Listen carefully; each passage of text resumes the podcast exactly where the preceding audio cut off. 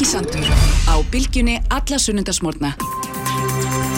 Sæli hlustundur, þá haldum við að staði hér sem leðilegur Bjarni Herra, Rasmus Sérfræðingur í sjálfbærtni fyrirtækja verður hér í lokþáttar, þau verða hérna líka aldingis fólki Ólaður Þór Gunnarsson, Helga Vala Helgadóttir og Hanna Katrín Fridriksson Pál Gunnar Pálsson, fórstur í Sankjöfnsefðilitsins verður hér líka. En sestur í hjá mér Jón Pál Baldinsson sem er formaða stjórnar uh, félagskapar sem að kalla sig FETAR sem eru, eru fyrirtæki sem að sérhæfa sig í færðum upp á Hálandið um, allt árið og hérna þetta eru um 80 fyrirtæki og skil einhverjum 14 miljardum í samanlegum gældaristeikjum og uh, er, eitt, er svona þetta, þessi hópu fyrirtækja mikill að hagsmunna gæta þegar kemur að hálendis málum öllum og meðal annars frumörpinu sem líkur núna fyrir þinginu og hérna skilaði reyndar inn gríðarlega svona kraftmikilli umsögn þar sem að þar sem að hérna kemur hún bara skýtt fram að þau leggjast alfari gegn stopnun miðhálendis þjóðgars í óbyðum Íslands og gegn frumvarpinu. Jón Pál, enna velkomin. Takk fyrir. Af hverju? Um, Fetar leggjast gegn þessu frumvarpið eins og kemur fram vegna reynslunar af þjóðgarðarekstri sérstaklega í stærsta þjóðgarði í Evrópu sem heitir Vatnajökuls þjóðgarður. Uh -huh. Það er þyrnum stráð saga, uh, hvað var það samskipti við ferða þjónustu fyrirtækin á svæðinu.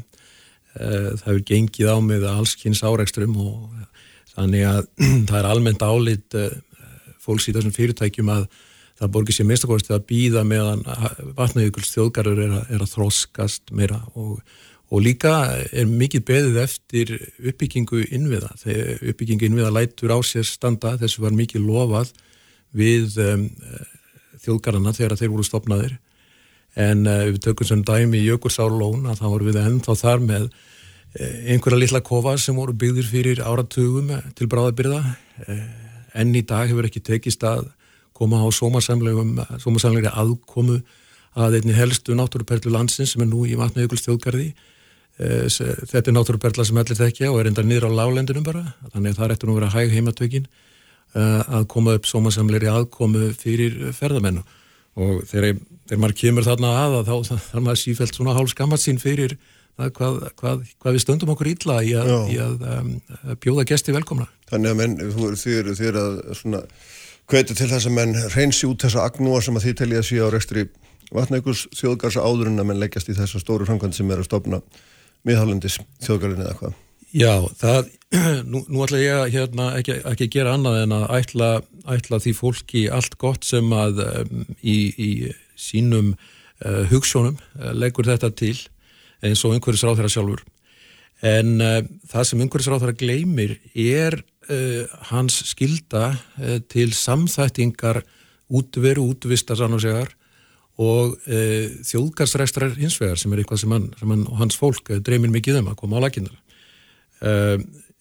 og svo þegar maður sest niður og les frumvarpið þá, þá fallast manni fyrst alveg hendur vegna þess að þar rekst maður hvað eftir annað á ákvæði og klausur sem að bera fyrirsafningnar stöðvun aðtapna og framkvæmda.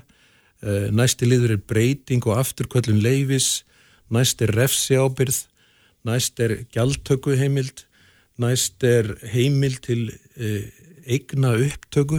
Eh, þannig að það er lítið talað um í þessu frumvarfi að, að það er að byggja upp og samþætta til dæmis ferðarþjónustu og, og þjóðgasrekstur. Í dag eru í gildi lög, þjóðlendu lög svo kvöldið. Mm -hmm sem er mjög góð og, og hérna einni eru í gildi náttúruvendalög þannig að e, ferðarfélögin og, og, og okkar samtök og ferðarþjónastan almennt er sjálf og sér ekki að kalla eftir þessum þjóðgarði og allra síst í þessum formi sem hann byrtist í frumvarpinu mm. Er hann, þú sagði að það hefur miklu áreistræðin í vatni og jökuls þjóðgarði farðaðins inn í það, ég held að svona flest við sem stöndum undan við þetta og lesum bara í blöðunum fréttir myndum halda að þetta hefði gengið frekar vel Já, það er því miður ekki reyndin og, og um, við vorum að telja saman fyrir stuttu bæði við og, og, og mörg önnur félög. Það er þannig að, að leiðum innan skilgreins vatnajökuls þjóðgarð hefur verið lokað og ekki bara nokkrum leiðum heldur er það í tugatali menn voru kominir upp yfir 60 leiður og vegir sem hefur verið lokað einfallega innan vatnajökuls þjóðgarðs. Um, þetta er... Þetta er auðvitað áreikstu er það ekki? Eh, þetta er í ætluðu verndarskinni en uh, verndin er engin í þessu. Um, það eina sem að gerist er að fólk getur ekki ferðast eftir gömlum leiðin sem eru búin að vera þarna uh, fáir vita hver lengi uh, þannig að það að sé einfaldur vegur í náttúrunni sem er eitthvað sem við um, viljum sjá til framtíðar að, að sé ekki verið að standi í stóriðu framkvæmdum uh, inn á hálendinu út í náttúrunni heldur að, að halda við þessum einfaldu leiðum sem að krefjast þess uh, oft og, og sérstaklega þegar að fyrir að vetra að fólk sé útbúið með tækjakosti og útbúnaði og, og í ferðarþjónustið þá þarf sér þjálfan mannskap til þess að tryggja ánægju og öryggi farþega Eh, þegar verið að fara yfir óbrúaðar ár uh, torfæra vegi mm -hmm. landsmenn í þúsundatali hafa fjárfest í, í tækjabúninu til þess að komast eftir þessum leiðum og vilja ekki þessi farið í, í efnisflutninga upp á miljónir tonna ræsagerð, brúargerð inn á hálendinu, það eru stóriði framkvæmdir sem við viljum ekki sjá inn á hálendinu og við erum algjörlega sammála til dæmis umhverjir á þeirra í því erum algjörlega með þeim að við erum ekki hrifin af, af, af stóriðu framkvæmdum á Hálendinu og, og leggjum gegn þeim. En um, le, leiðirna til þess að fara hvort sem þú ert göngum aðri eða hvort, sem, hvers, hvers, hvort þú ert ganga lítið eða mikið e, þú ferð ekki inn að öskju, þú ferð ekki inn í kverkfjöld e, ekki í landmannlögur, ekki, ekki eins og í þórsmörk e, það er svona kannski gerlegt að ganga í þórsmörk en það gerir náðast engin þannig að Þannig að ferðatæknin sem slík, hún hefur eh, gengið í gegnum mikla bylting og síðustu árum og opnað hálendið og náttúr Íslands fyrirlandsmennum þar sem þessum gömlu leiðum er fyllt. Eh, þannig að við viljum viðhalda þeim vegna að þær eru náttúruvænar í sjálf og og, e, útheimta ekkit rask í náttúrunni. E, þegar við erum að loka þessum leiðum, það þýðir að einfallega að, að, að fólk getur ekki lengur, lengur ferðast eftir þessum leiðum og, og, og notið náttúrunar sko það er hérna þannig að þetta er einhvers konar náttúruvend á villigötum Þetta er náttúruvend á villigötum, já og hérna algjörlega, það virðist vera hópurinn sem stendur á bakvið um, umhverfisar á þeirra í þessu og hann sjálfur, hann er nú sjálfsagt ekki sá augafylsti í, í, í þeim hópi held ég að þetta er afskaplega ykkur og, og þægilegur maður að tala við. Ef maður fær viðtal við hann, við byggðum reyndar í hálft ár eftir fundum með honum og hérna vorum ekki, ekki kátir með það. En um, Um, þetta er mjög einstrengingslega framkoma og, og gengur mikið út á þetta að, að loka og, og nánast heimila e, enga umferðin ef hún sé fótgangandi. Og ef þetta heldur svona áfram og þessum verður við að standa upp núna og láta okkur bera, við erum nú samtök sem að ég hafa ekki haft hátt e, en e, ég held að sé komið tími til að spyrna þess við fótum og, og gera aðtöðsendur við framgöngu þessa hóps sem er, er mjög einstrengingslegur mm. í, í framkom og skoðum. Þið eru, þið eru samtök fyrirtækja sem að ferðist um á velknúnum faratækjum, ekki satt? Já, og er ekki bara áskupa ellet að já, upp af þessum margin, hérna, margir vilja líka ganga og fara ríðandi og hjólandi jafnvel, hérna, þannig að það er svona, hefur ekki einhvers konar ósnortin við þau, þau falla ekki vel að hugmyndum hérna, mikla umferð velknúna faratækja. Já, vélknúi faratæki e, þarf alltaf að, í, að einhverju mæli að, að, að nota til dæmis er umhverfistofnun með sína starfsmenn á vélknúum faratækjum og líka sér útbúnum breytum jeppum e, sem að þurfa til þegar eitthvað fyrir að snjóa og, og, og erfiðstu leiðinar útheimta þannig tækjabúnað. Þessi tæknið þróun átti sér stað á Íslandi og opnaði eins og segja hálendið á Íslandi að sér útbúa tækin aðeins meira heldur en þið eru og, og faratækin sem slík e, heldur en þeir eru beint frá framleiðanda. Og, og þannig opnaðist uh, möguleikar á að já, komast yfir óbrúðar ár, uh, komast um í snjó þó að sé nokkri snjóskablar og vegi segjum inn í laka eða, eða landmannlögur að hvers, hvers maður fer. uh, ef þú vilt ganga um í lakagígum þá liggur þangað vegur hann er bísna torfær og þangað fer engin fólksbíl Þið viljað halda þessum bara þannig að það sé aðgangur sé frekar erfiður já. og það sé hluti af upplifurinni eða hvað? Í dag er það hluti á náttúruvendinni. Uh, ef þú færið allan túristaflömin á, á bílalögu bílunum, Toyota Yaris, uh, inn í Lagagíga. En valla er það nú hugmynd umhverfisráður hans?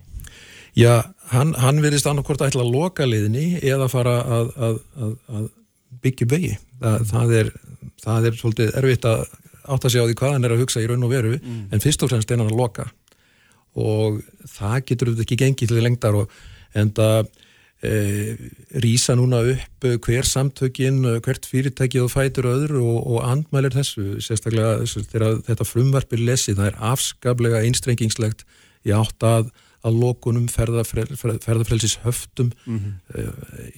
þetta, það, er mikla takmarkanir á ferðarfrelsi, það hefur staðið áralanga deilur til dæmis um svo kallar vonarskarð milli Túnafellsjökuls og Vatnajökuls, þar sem liggur gömið leiði gegn uh, við erum með hér á fórsíðunni á okkar aðtöðsendum mynd af uh, merki sem uh, við upp af þeirra leiðari gegnum vonarskarð þar kemur meðalans fram að, að bara strax á skiltinu að það má ekki hjóla að gamla veginn í gegnum vonarskarð.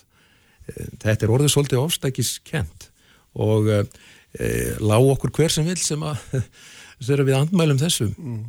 En nú er alltaf ljóst að, ef, við, ef við tölum nú að þeir eru skrifni tímar, ef við tölum um eðlitt arferði, að, að hérna, það er gríðalegu ströymur af fólki sem að vilja mitt skoða þess að þjóðgar og þeir hafi sjálf sem mjög mikið aðráttarafl og, og það eitt að segja þjóðgar hefur eitthvað svona sérstaklega gildi í sjálfu sér og, og, hérna, og það þarf auðvitað þegar svona margir eru komnir og allir streyma í aðriðsnum sínum, leiðu í aðriðsnum, það þarf auðvitað að setja einhver mörg, er það ekki? Það þarf að finna stöðum einhver, einhver svona einhver, einhver ágengni sem að, sem að þeir hérna, þannig að þeir séu sjálfbærir.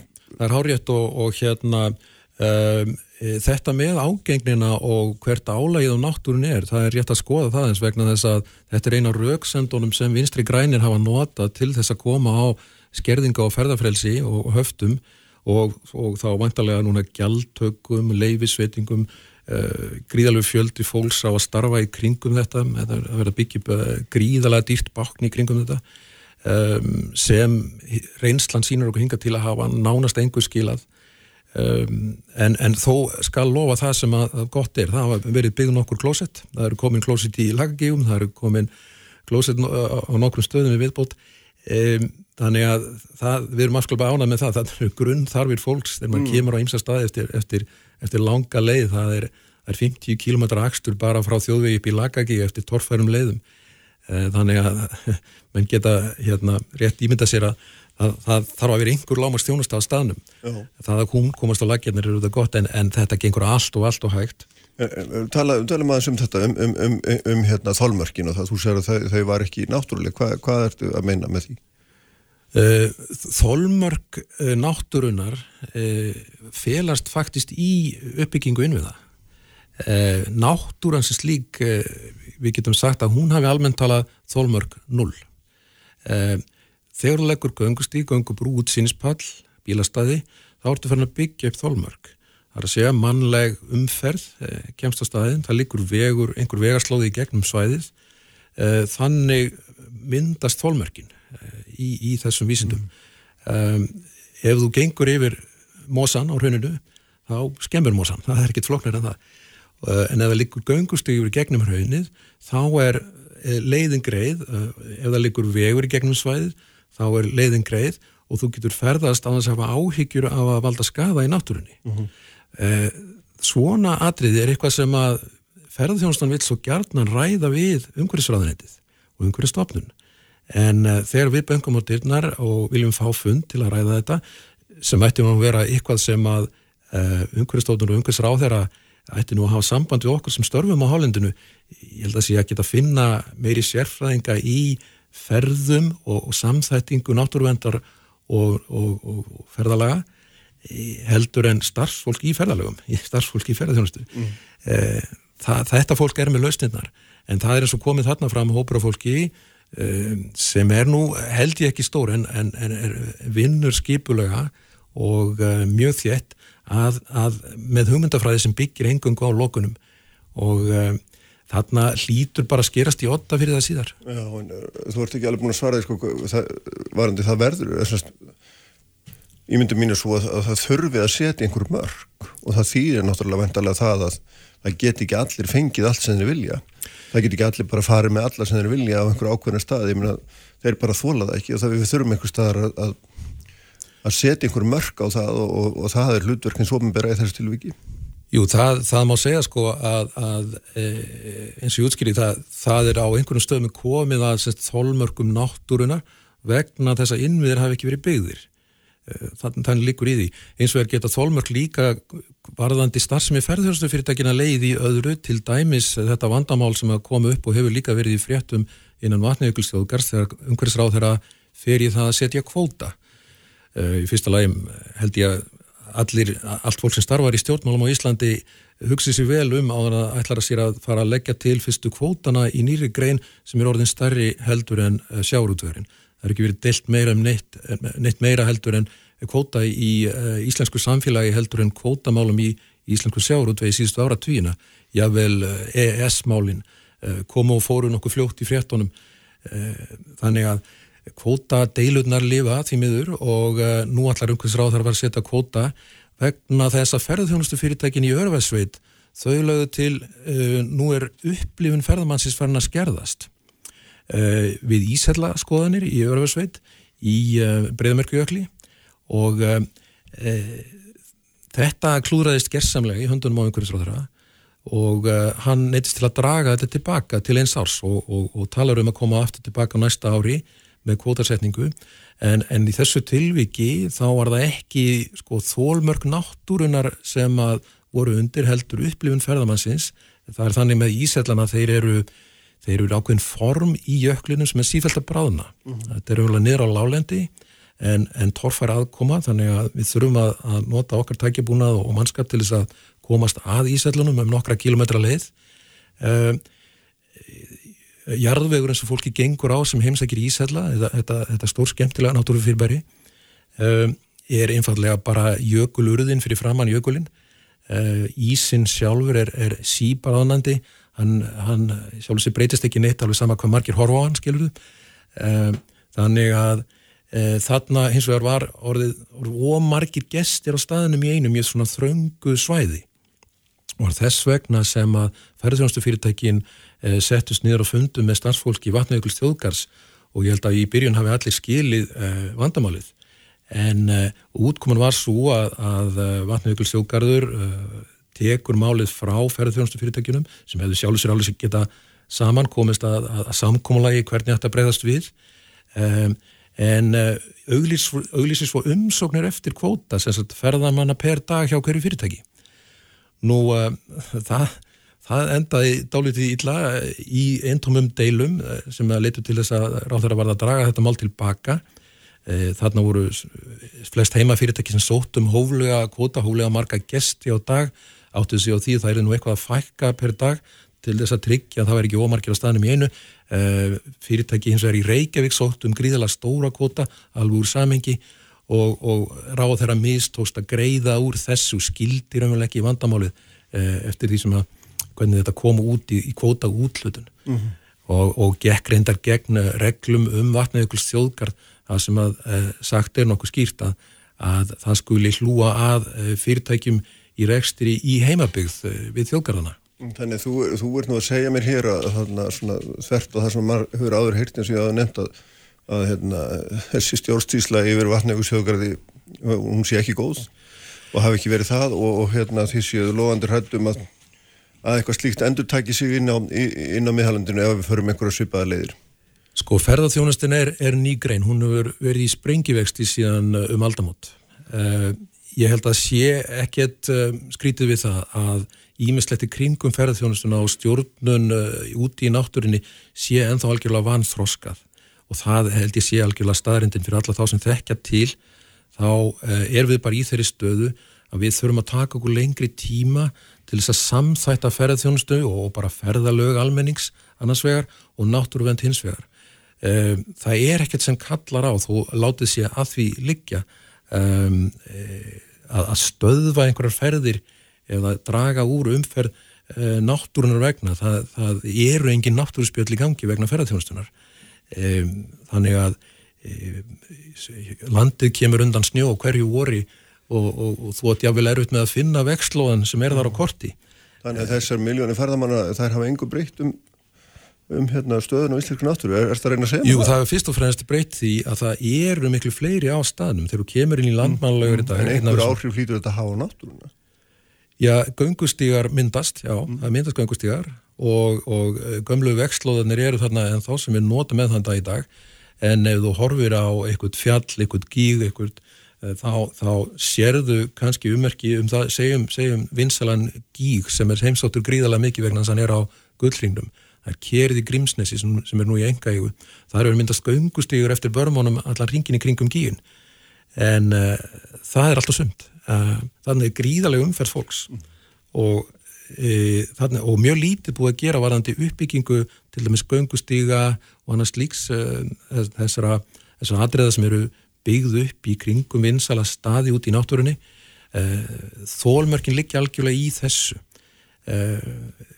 staður eins og, eins og kerið gæti tekið örglega við tvöfald fleiri gestum á hverjum degi heldur en hann gerir í dag eh, með eh, uppbyggingu þessara innföldu innviða sem verður að kalla eftir. Eh, ég er að vísa að nefna dæmið þarna sem er í eigu enga aðila, þannig að enga aðilin byggir upp þennan infrastruktúr.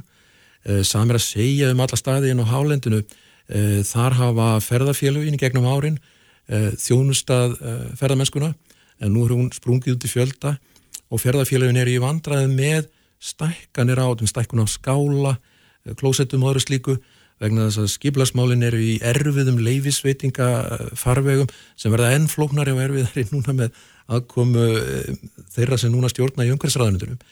Þannig að e, þólmörkin við höfum áhyggjur á þeim vegna þess að þau eru raunlega eitthvað sem við stjórnum e, en, en það er fólk að stjórna þessu núna sem vill ekki gera neitt í málunum, það vill bara loka og e, það, er svona, það er svona í einu orði sagt framgangsmátin. Nú er þetta fólk ekki sammála þessu, eh, þetta er orðað mjög einfaldan hátt, en, en þetta er okkur upplifun. Þetta er ykkar upplifun sem starfi hérna þegar ég bara, er að loka ykkur úti. Já, það er allt og miklar uh, lókun, mikið lókunar áráta sem mm. einkennir uh, þessi störf og, og sérstaklega þegar maður lesa þetta frumvapum miðhálandi stjóðgar, uh, það má nýta eitt viðbót við sem er að það til dæmis oft verið vitna til bandaríkina önnu löndi kringum okkur, þau fari vild ekki upp fyrir 5-10% þess land sem löndin ráða yfir undir skilgreiningu þjóðgarða bandaríkin eru með um 10% af sínu landi uh, undir þjóðgörnum og, og, og, og í heildina samanlagt annara öndara svæða. Þetta nær svona kannski 10% af landi bandaríkina uh, það er ólíku saman að jafna bandaríkin eru 100 sinnum stærri en Ísland. Uh, þannig að þetta eru gríðala stórir þjóðgarðar á okkar vísu.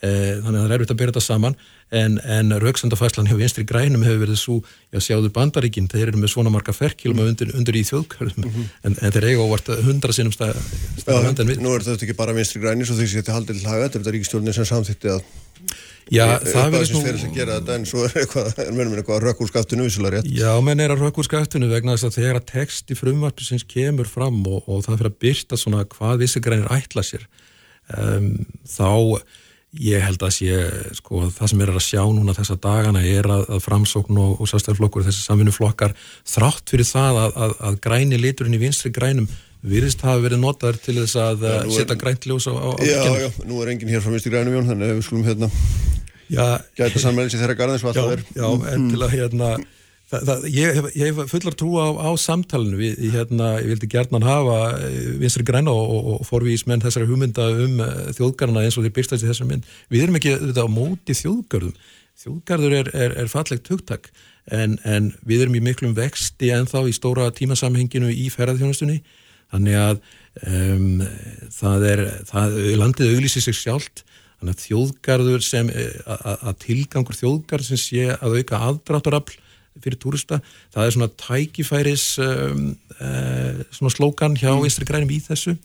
Um, ég, held að og, og nú er ég kannski að nefna Vinstri græn oft, ég, ég vil ekki sjá íslenska pólitíka á þess að hafa Vinstri græna, ég, það var keiftur þjóðvölin á mínu heimili þegar, ég var allast upp sko og og í minnum bók þá... Þú kannski ekki lesið það nóg vel. Já, ég, ég, ég hérna, mókin var reyndar þar við hlýðina þannig að, og, og tímin og allþýðblæðis sko, hérna, ég vil ekki sjá íslenska pólitíka öðru síðan að hafa góða flóru stjórnmála. En allavega það er hérna, það langum við framöndan áður en að hérna, hættir að finna einhverja sátt um þetta, Jón. Já, við verðum að býða með þetta frumvart, held ég. Já, takk fyrir að koma, Páll Gunnar Pálsson sem er fórstjóri samkynnsættir litsins er hér eftir örstutastund. Sprengisandur, alla sunnudaga á bylgjunni. Uppspretta frétta á Sprengisandi, á bylgjunni. Sælilustendur, Jón Pall Baldunsson, formaða stjórna e, FETA, ja, FETAR heitir þetta, e, farin frá mér eftir kröftuga ádeilu á frumvarpið um þjóðgarinn á miðhálendinu e, og hérna fór rækilegu sínar aðtóasendur og þeirra við það. En ég ætla að tala um samkjöfnismál núna, hann er sestur í hómaran Pál Gunnar Pálsson sem er fórstjóri samkjöfnis eftirlitsins. Velkomin Pál. Já, takk. Uh, langaði að tala við því um þetta fyrirbríði samkjöfni á krepputímum og, og hérna rifja aðeins upp í upphafið að þú varst að fundið sem ég var líka hérna fyrir líklega, já, 10-11 árum. 2009 er mandar rétt það sem það voru svona hópur og fyrirtæki, eða fórsvarsmennu fyrirtæki tala um uh, samkjöfum sína milli og þá stóðst þú upp og, í lókfundar og spurðir hver talar hér fyrir neytendur. Og það er líka áhugavert núna þegar við erum í sjálfsveits ekki ósvipuð ástandi. Hver talar fyrir neytendur? Þarf ekki einhver að tala fyrir neytendur á svona tímum vegna þess að ríkistjórnin meðal annara er að grýpa inn í markaðinn með mjög afdrið og ríkum hætti með viðan Jú, það er sannarlega ástæði til þess og, og sérstaklega eins og þú segir á, á tímum sem þessum, það sem að fókusin hjá stjórnvöldum eru þetta eðlumál sem sangant að koma til móts við fyrirtæki sem að eru að lenda í erfileikum út af, út af, hérna, út af COVID-19 uh, og, og það er þessir erfileikar sem taka svolítið mikið pláss auðvitað á vettvangi stjórnmáluna þar er, er hagsmunabaráttan sterkust á vettvangi fyrirtækjana og en, en, en það þarf að huga að hagsmunum alminnings og heldar hagsmunum og hagsmunum neytenda. Og, og uh, það, það vantar svolítið upp á þetta jafnvægi þetta, almennt á Íslandi. Og horfum bara á það hvernig hérna, umfjöllunum viðskiptamálinir á Norrlundunum, viðskiptablöðinu og svo framvegist þá sér maður að hagsmunni neytendur mjög ofalega á borði. Þú sérð ekki þetta með sama hætti á Íslandi. Og þetta verður alveg sérstaklega íkt í, í ástandi eins og þessum. Uh, og, og nú eru uppi alls konar sjónum um það að ég þá ganga lengra í að vernda fyrirtæki. Já. og uh, það má kenna það við verndarstefnu. Og, og, og svo aðferð er þekkt aðferð við þessar aðstæður sem hefur alla hjapna eða alltaf gefist illa og bandargemenn brendur sér til dæmis á því í kreppunni miklu þar sem að þeir fóru í að hækka totla takur sambandi í sanginslögin uh, vernda innanlands fyrirtæki hvert nýrið samkeppni til þess að hjálpa þeim að komast í getnum kreppuna og þetta er talið að hafa framlengt kreppuna miklu og efnaða spatanum alltaf 7 ár. Erum við að sjá hvernig vísi að þessu finnst þér hér? Mér finnst, um, ef maður ber, ber saman umræðana núna eða í bankarhunnu þá finnst mér miklu meiri hætt á þessu núna heldur en í bankarhunnu. Þessi umræða komst ekki á eins mikið flott eins og hún virðist verið að gera núna. Þú sér þetta í gegnum umfjöllun á vettvangi alþingis um, um til dæmis breytingar á tollkvótum í landbúnaðinu og um áramótin, uh, þingmannafrömmur sem eru að koma fram um að taka úr sambandi sanginslögin í, í, hérna, í, uh, í landbúnaði og svo finnur þessa umræðu á vettvangi fyrirtækjana líka uh, sem að uh, þannig að það er full ástæð til þess að vera á varbergi gagvað þessu. Ég held að stjórnvöld sé ekki að móta þessa stefnu en ég held að stjórnvöld er því að vera mjög á varbergi til þess að leiðast ekki inn á þessa leið verðan þess að, að það mun skada hagsmunni almennings og neytenda til langrar framtíðar. Ég sá haft eftir þegar þú teldi til missa ummæli fórstjóra Æslandi er á sínum tíma um að það væri bara pláss fyrir eitt flugfíla Íslandi sem hefði bækistöra hér á byggði rekstu sinna svona tengiflugi yfir allarshafi með, með viðkomu hér. Að það væri hluti af þessu, þú teldir að það væri hluti af svona einhvers konar vendar, vendar hugmyndum. Já, ég tók þetta sem dæmi um, um, um hérna um svona kannski einhverja hugsun af þessu tægi, þetta er alþekkt stef. Menn við heyrðum þetta stef líka þegar Æsland Express var að koma inn á markaðin flugmarkaðin á sínum tíma. Og við vitum hvaða áhrif samkeppni í flugi til og frá landinu og í samkeppni í flugagreyslu á, á keflaugulhull og svo framvegs og framvegs hafði síðan á þróun ferðarþjónustunar algjört líkil aðri í því að byggja hér upp ferðarþjónustu og, og það, það er ástæð til þess að leggja við hlustir þegar fórstjóri e, stæsta, lang, lang stæsta ferðarþjónustu fyrirtækisins og nótabenni líka mikilvægasta e, mjög mikilvægt hérna, fyrirtæki fyrir, fyrir Íslands stefnaðli en þegar hans stígur fram árið 2020 í loka ást þá og segir þetta þá fylgsta ástættir sem staldra við og velta fyrir sér á hvað braut við erum. Það er auðvitað ekki hans að ákveða það eða tala gegn því að það verði hérna, komist hér á aftur samkeppni í flugi frá landinu og, og í rannsóknum okkar hjá sanginsettildun hefur verið hérna, komið mjög skýrt í ljós að það er allur munur á því hvort að fyrirtæki byggja upp samkeppni hér og fljúa hérðan eða hvort að erlend fyrirtæki fljúa hingað hagsmunninir eru allt aðrið hérna, einni viku geta slík fyrirtæki dreyja þessir hendina mm. En einhver myndi sjálfsagt segja að svona á þessum tímum sem við erum að lifa núna þá, þá erum við stættir í einhvers konar rústabjörgun og þarna, það, sé, það sé óhætt að láta svona uh, hérna, samkeppni sjónum með býða bara þunga til að, hvað er maður að segja, svona eðlilegt árferði uh, ríki á ný. Það er, það er nefnilega í, í, í þessari hugsun fælst hættan, verna þess að um, von, hérna, hlutin eru mjög fljótir að gerast, til dæmis um, ef við tökum bara ferðarþjónustuna um, og hlut bankana að því að nú erum við að sjá svolítið að sami eins og í rauninu að, að bankarnir gegna algjörlega líkil stöðu í framvindu í missa markaða vegna þess að það er svo mörg fyrirtæki ekki bara í ferðarþjónustunni heldur líka í tengdum greinum sem að hafa orði fyrir miklum skakkaföllum og eru komin í einhvers konar hérna, meðferð hjá bunkunum, sérstakka meðferð og þá sem bankamæður þá ertu alltaf að reyna auðvitað að bjarga verðmætum, þú ert að reyna að auka lánshæfi e, e, og auka verðmæti þeirra lána sem að þú hefur hérna, tekið ákvörnum þú vilt fá þetta tilbaka undir pressu fyrir fjármálega dildun og allt þetta. E, og, og, og þá er freysnin svo að til dæmis að, að, að fara að tala fyrir mjög miklum samrunum í greininni eða tengdum greinum. Og það sem getur þá gerst á mjög skömmum tíma er að það verði mjög mikil samtjöpun í greinni og, og, og þá uh, og það, það getur orðið mjög erfitt að, að vinda ofan á því. Og þetta er, er margar ferðarþjónustu greina til dælu að opnar og auðvelt að komast inn á þér en sömar eru það ekki.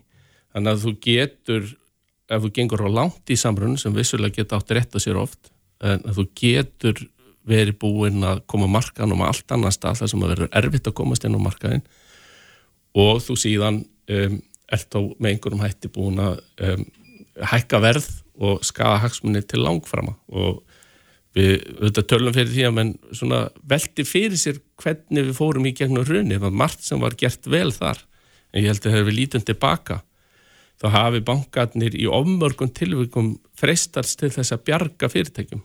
Í staðin fyrir að leifa fyrirtækjum sem kannski voru ekki nóður rekin að fara á hliðina, fara í þrótt og skapa það rými fyrir nýja aðlættis að komast inn og við komum til markaði með miklu sterkara hérna, hérna sterkari grundull og, og við höfðum ágjörði, við fylgdumst með því hvernig bankarnir voru að gera þetta og skrifum nokkru skýslur um þetta og bendum meðal annars á að, að út úr hruninu væri að koma mjög skuldsett fyrirtæki. Og við getum sagt að þetta lukkaðist nú allt saman nokkuð vel.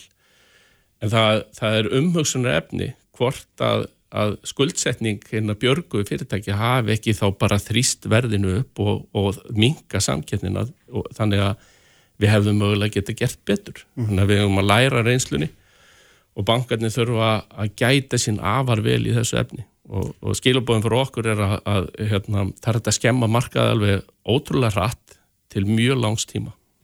Sko það var hérna fyrir viku hjá mér veitingamæður sem var einmitt að kvarta yfir þessu, eða mjög svipuðum hlutum sem var Viljánsson sem að talaði svona fyrir hjóp uh, svona lítill á meðalstóra fyrirtæki og meðal annars þeim fórstum að, að, sko það væri verið að setja peninga inn í skelljar mhm. -huh. verið að dæla peningum í þau gegnum, gegnum hérna ímisúrraði annars með því að borga starfsfólki laun og, og, og, og það með tryggja eigundum yfir á rétti við fyrirtækjum sem að hefðu kannski alls ekki staði vel í áður en að þessi kreppa skall á og þetta er þetta klassist viðfórsefning frá hrunnu þar var líka verið mikið að hugsa um það eigendur heldur sína verið ekki tekin að þeim æfinstarfið og svona alveg óháði hvernig eða mestanpart hvernig hérna þau stóðu og þetta er þetta vandi sem við stöndum fram með fyrir líka, er það ekki núna?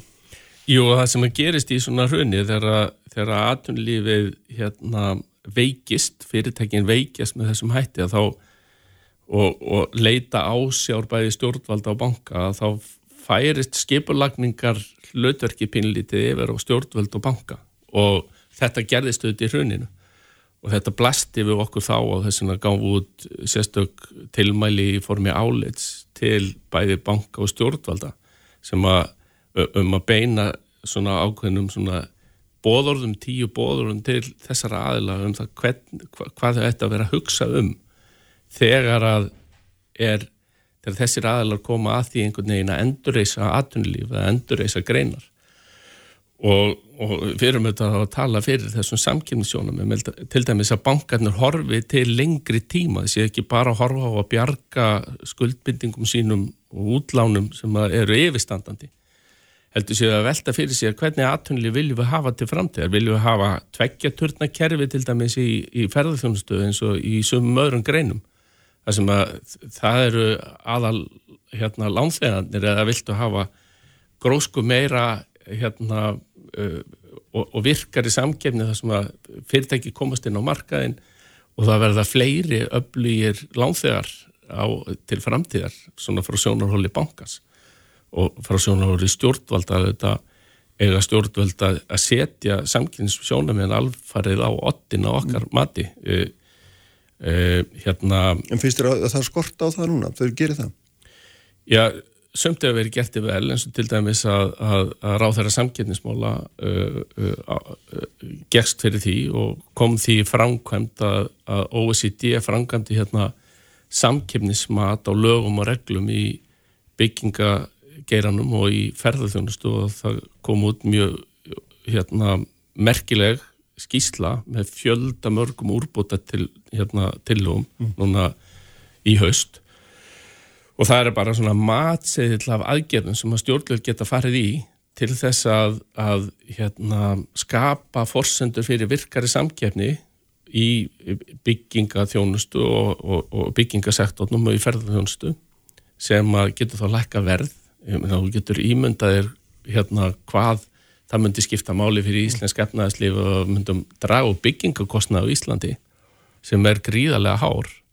Þetta hefði auðvitað áhrif á verðbólgu, lánskjör og allt heila klappið. Og, og það eru aðgerður svona tægi sem stjórnum þurfa að fara fram í ríkara mælu og við hefum verið til dæmis að mælast til og í, í allmörgum umsögnum til þingsins eins og til dæmis um ríkisáberðina til Æslandir að það sé farið í samkeppnismata þessu tægi þegar svona rástafunir eru ákveðnar. Æsland eru þetta eins og við nefndum á þann gríðarlega öflutt ferðarþjónustu fyrirtæki ekki bara í fluginu sjálfuru heldur líka í nánast öllum sviðum ferðarþjónustun og hótelrekstri og, og svo framvegis innanlandsflugi og ferðarskrifstofu og, og, og svo getur við talið og það að veita einu fyrirtæki ríkisafstóð er alveg ábóðslega viðkvæmt mál. Og þingið þetta reynda takmarka þessa ríkisaðustu við, við flugregstur en það er aldrei hægt að gera það með fullnægandi hætt og þú heyrir auðvitað ábyggilega eins og ég uh, áhyggjur ferðarþjónustu fyrirtækja uh, uh, af þess og mér finnst að aðtunlífið ekki hafa haft nægilega miklar áhyggjur af þessu, sérstaklega stóru samtökin í, í, í aðtunlífinu. -huh. Heldur þú þau séu þá of háð eða of hall undir þessi starri fyrirtæki sem það eru innan dýra? Já, sumuleiti held ég að það sé ótvirætt ég, ég, ég man ekki betur heldur en að, að samtök aðtunlýðsins og, og SAF hafi haft svona frekar lítið til dæmis út á ríkisábyrjuna við Æslandir að setja. Um, um, við mann rétt og og þetta þekkjum þessu umræðu við sjáum úrsagnir úr samtökum aðtunlýsins uh, eh, núna nýlega til dæmis fyrir áramót sem að Greilæn fór úr samtökunum og var að formaður samtakana Margir Krismastóttir grindið þau hérna, þegar að samhérjamáli kom upp fyrir mm. að, að fordama ekki hérna, til dægi vinnubröði því máli og svo framvegis og við viljum auðvitað sjá samtöku í aðtunlífinu vinna miklu sterkar með samkeppninni heldur en þau hafa kannski verið að gera um, og kannski gera svolítið sveipa eins og til dæmis er að bílalega hér fór að fykta í, í mælum. Uh, hvað var það 2019 þá voru þau fyrirtæki bara reygin út úr samtökunum. Mm. við viljum auðvitað að, að, að samtöki í aðtunlífinu séu miklu skarpar að þessu leiti uh, og og af þessum svona heildarsamtökum eru kannski fjela aturreikanda svona sávettvangur sem að tala hvað mest fyrir hagsmunum minni fyrirtækjum en þess að þau eru þar. Og þau hafa reynd á eigin skinni samkynnishömlur bara hálfu stærri fyrirtækja og ofinbæra aðla og, og okkur finnst það stjórnvöld þegar þau eru að velta fyrir sér hvað hérna hvað þau eigi að gera í stöðun í dag. Þá er að taka upp síman og ringja í þá sem tala fyrir hagsmunni neytenda. Taka upp síman og ringja fyrir í þá sem tala fyrir hagsmunum smæri fyrirtækja. Mm. og, og, og, og síðan auðvitað annara mm. þau getur auðvitað trist í að samtöku aðunlýfsins og viðskiptar á munu hafa samband þegar að það, ja, það, það er miklu erfiðara fyrir þessi litlu aðila að koma sjónum sínum á framfæri og stjórnvöld verða já, að taka það með í reikningin. Er það semst reynslu þín að það er það samtal við smæri fyrirtækin og fyrir hand neytand að sé einhvers konar skötu líki eða hvað?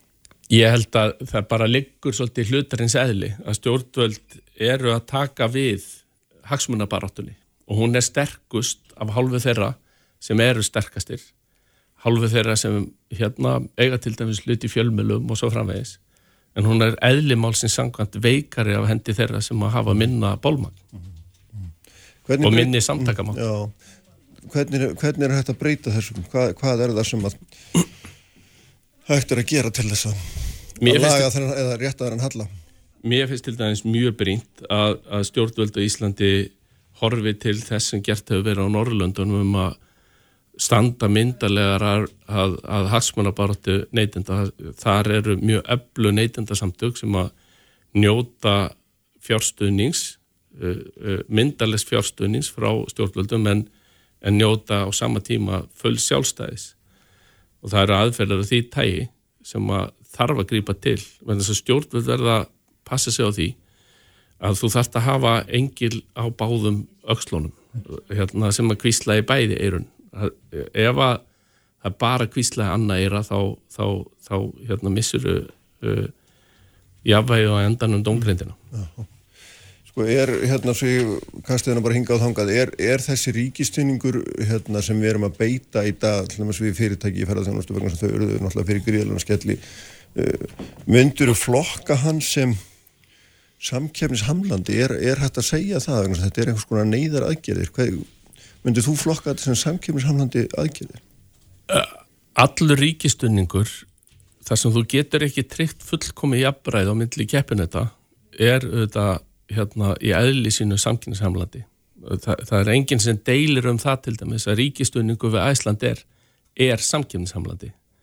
Stjórnvöld bara tóku ákvörðunum það að, að það, hérna, það væri bara þannig. -huh. Og nota beni eftirstofnun eftir ger ekki heldur aðtöðsend en þess að hérna, í þessu raunni þá hefur verið rimkaðins á þessum ríkistyrkjareglum.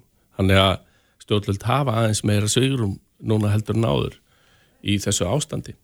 Þannig að já, ríkistunningur er oftast með einhverjum hætti sanginshamlandi en þá, þá er bara svo mikilvægt fyrir stjórnvöld þegar þið neyðast þess að fara í slíkar aðgerðir að, að, að, að hérna, velja þá útfæslu sem er, hérna, sem er minnst samkynningshamlandi. Tilfelli að Æsland er til dæmis og þá finnst okkur að ríkistunningnum þar þá þurfa að fylgja svona frungu að hálfu stjórnvalda að, mm. að, að meta þá samkipni stöðu annara fyrirtækja á markanum og sjá hvernig þetta koma til móts við þau til þess að jafna þess að hérna, þennan aðstöðum sem áhjókamilega verður mm -hmm. Eitt af því sem lítur að skipta máli í þessu líka er, er þegar mann er að deila út fjármunum er auðvitað hvernig þeir eru notaðir í hvað er fara í raun og verum og þarna er sko fylgjast með nógu vel með því þess eru einhverjar svona, hvað er þetta kallað er nú held ég kallað á ennsku clawback það er þar að segja stjórnum geta náð tilbaka fjármunum eða þeim hefur verið misbyggt eða eitthvað þýjanlíkt eða þau hafa alltaf einmitt að svona uh, styrkja fyrirtæki með alveg um hættin en fjármunum er, er ránglega varið er, það er ekkert slíkt fyrir hendi og þar að leiðandi hérna, geta menn svona tryggt sína stöðudaldið án, án, án nokkur eftirmála.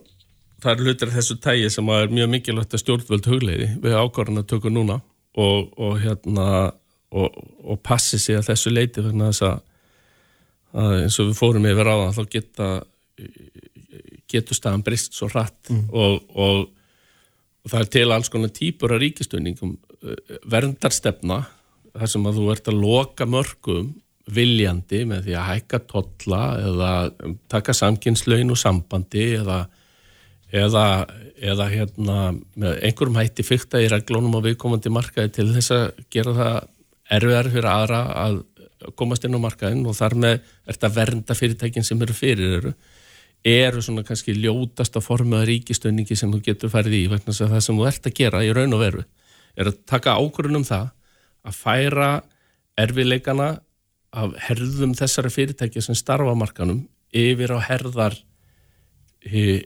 viðskiptavina þeirra og á endanum neytenda í formi herra verðs minni gæða, minni samkeppni þýðir vennulega minni gæði minni nýskupun meiri ójöfnöður og svo framvegis þannig að, að hérna við erum alltaf að koma að því sama það er gríðarlega mikilvægt að stjórnvöld sé á varbeki kakvað þessu og þau get ekki trist því að, að hérna að þau sé að fá all sjónumegin inn að sé verið að tala inn í bæði eirun á þeim sko.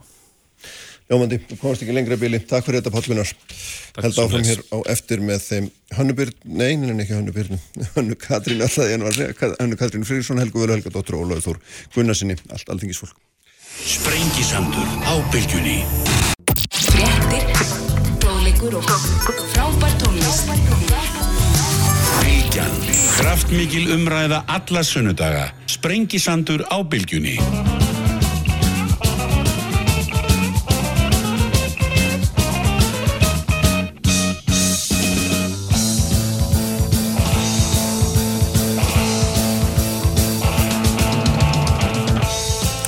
Sælir aftur hlustundu, Pál Gunnar Pálsson, fórstjóri samkeppnis eftirlitsins farin frá mér hér eftir.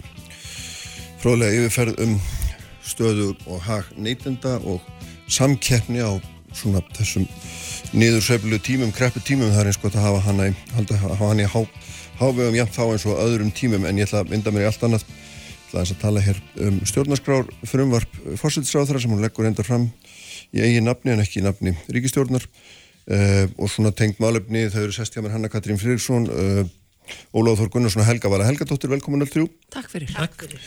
Um, Óláður, þú hérna, við byrjum hjá þér vegna að þú gerir tilrönd til þess að að búa til eitthvað sáttagrundvöld í þessum máli með, með grein núna hérna fyrir einhverjum tæmi dögum eða svo þar sem þú sagðist til þetta frumvarp var bara fínt og það var príðlu og grunnum til sátta hérna, og ég veit það ekki, maður myndir um kalla þetta svona ákvæmna bjart sína þinni hálfum Ég það kann vel að vera mennum fyrst það, ég er björnsinn í eðlumínu og, og hérna ég í rauninni sló sama tónin í ræðminni í þinginu um mm. málið.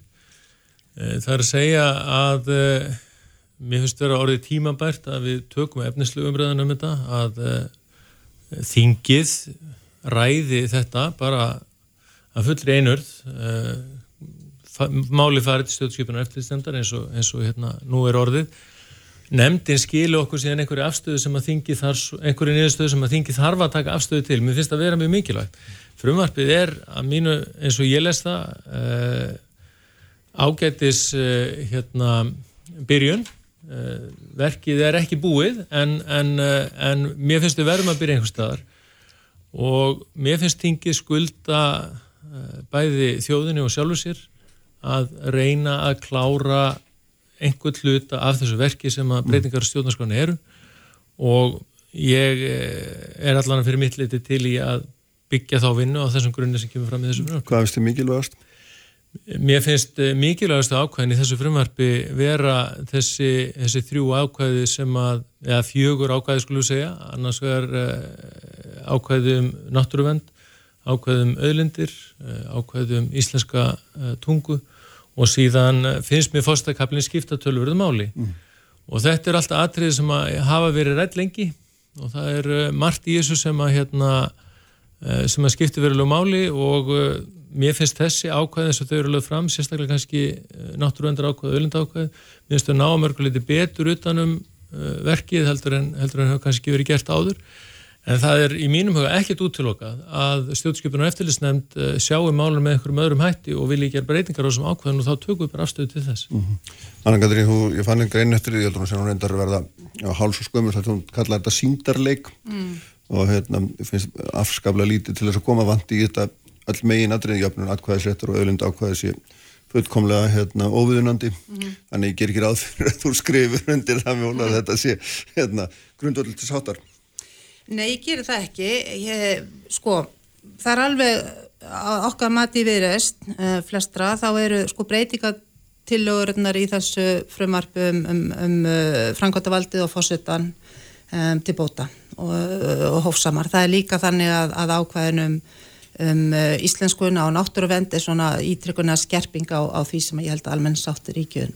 Pólitíkin er hins vegar náttúrulega um þetta auðlinda auðlenda ákvæði og síðan náttúrulega heilmikið pólitík í því að skilja út undan ákvæðin atriði sem átt að vera inni en, en tökum þau til hlýðar en að því held að auðlenda ákvæði, ákvæði verðskuld alveg bísna mikla aðtegli e, og ég sko ég verða að segja kannski bara til að svara í örstutumáli þessi grein Ólafs og, og því sem hann kalla Bjarsin að því, því ég les frekar svona ákveði yfirleitt út úr því að, að þannig verið að leggja eitthvað á borð og ef að við erum ekki sammála því að það séu rétti skrefin þá erum við að fara í pólitíska skotgrafir og tala um efni, nei tala um formfrekar en efni. Og ég bara sko í grund og allar aðtriðum ósamála þeirri nálgun. Og, og þessi einhvern veginn aðferðafræði er kannski mögulega ástæða uh, þess að við erum ekki komið lengra sko að, að menn hafa finnst mér í þessar umræði sem tók nú góða tvo daga í þingi forðast að ræða af hverju hefur Vafki kúvent í afstöðsynni til auðlinda ákvæðis varandi tímabindingu uh, nýtingu náttúruauðlinda og framsókn raunverulega líka. Sjálfstæðarflokkurinn sem eitt flokka til þessa hefur staðið að móti tímabindingu náttúruauðlinda uh, í stjórnarskrá til þess að geta haldið hérna kerfiskeiringu sinnum sjáar hérna útöðsfyrirtængin ef svo má segja, stóruðgerðina Uh, er allt einu komið með aðra tvo flokka með sér núna og, og síðan er miðflokkurinn á hlýðalínunni sem að ég skildi ekki umræðina betur en svo að þessi bísna sáttir við þessa stöðnun þarna. Þannig að þarna hverfast inn á stóru pólitísku línur. Og síðan ef ég útvika þetta kannski aðeins, nú er uh, ráð þeirra vafki að leggja fram uh, hálendis þjóðgás frumvarp þar er þetta með mjög skýr ákvæðum það að nýtingin áttur öðlunda á hálendunum skuli há tímabundnum samningum Um, þar með er það komið inn líkt og í orkunni, við erum að klára fiskaldi á þennan hátt en við ætlum áfram ef að vilja í stjórnarflokkana næri gegn og Mhm. viðflóksins að halda sjávarauðlendinni fyrir Mhm. utan þetta. En getum við ekki Og bara afgreitt þetta það með almennum lögum? er pólitík, þetta er Mm. ekki skotgrafir. En getum við ekki bara afgreitt það með almennum lögum? Ef að það er ekki afgreitt með almennu lögum Mhm. þá þarf að tryggja rétt þjóðarinnar í gegnum stjórnarskóla um það slýst baráttan. Mm Já. Hvað stendur þú þessum? Er þetta sáttatilurinn góð eða er þetta hérna, Já, er, er langar mál að tala um þetta? Já, mm. Ég vil, ég vil minna á, á uh, vinnu stjórnlagaráðs og, og þjóðar, þjóðaratkvæðgreðslu sem að fór fram í oktober 2012. Uh, mér uh, finnst vond að uh, þau líti á þetta sem einhvert samstöðu plagg og, og ein- einhvern, að ef við erum ekki til í þetta að þá séu við í einhverjum skotgröfum. Við, við hérna meira hluti þeirra sem tóku þátt í þjóðratkvæðgræslinu vildu byggja á nýju stjórnarskráni en Katrin Jakobsdóttir ákveður að handvelja þarna uh, ákvæði eða kabla sem að hún treysti sér til þess að vinna eða hún vill vinna og hún spyr engan að því það, það er e, e, það hefur engin bíddu, já. bíddu, ég ætla að fá að klára Já, af því að það var þarna einhver vinna formana Já. og þá leggur hún ákveðið á borðið og svo kemur hún með þetta frum, hérna, frumvarp og þá eru allir sem eru ósamal á þeim áherslu atriðum sem þarna eru í pólitískum skotgröfum. Mér finnst það ósangjant af því að ég spyr hvers vegna til dæmis er fórsetakablin eins og hann er þegar hann er ekki í samræmi við þá rökræðu könnun sem framfór núna á kjörtjánpilinu. Þetta samráð sem áttur sér stað núna í þessari vinnu því er bara ítti hliður og búin til einhver fórsetakabli sem að, hvað, þú veist, hvaðan kom hann? Öðlindakablin í nýju stjórnarskráni var samþyktur af 83% þeirra sem tóku þátt. Hann er ekki í samræmi við það sem er í, í, í frumvarpi Katrina Jakobsdóttur. Hvar er tímabindingin? Hvar er tímabindingin á afnótum á, á öðlindum okkar og eðlilegt gjald? Það er ekki þann inni og mér finnst það ótrúlega sérstakt að leggja þetta fram sem einhverja sáttatillugu þegar það vantar svona stóra hluti. eitt viðbútt sem ég vil benda á sem að, að lögspekingar hafa kallað eftir allt frá því bara við fórum inn í EES samstarfið og það er framsals ákveði eins og normenn gerðu á sínum tíma þeir settu strax framsals ákveði inn í stjórnarskrána sína. Það átti að vera hluta þessari vinnu. Hvar er það? Það er svona aðkallandi. Forsetin hefur kallað eftir að, að hans hlutverk sé skýrt. Þjóðin hefur kallað eftir skýrum leikreglum varðandi auðlindirna sínar og allir lögsbyggingar kalla eftir breytingum á framsali. Það er ekki brín þörf á breytingum varðandi það að setja íslenska tungu inn í stjórnarskrá.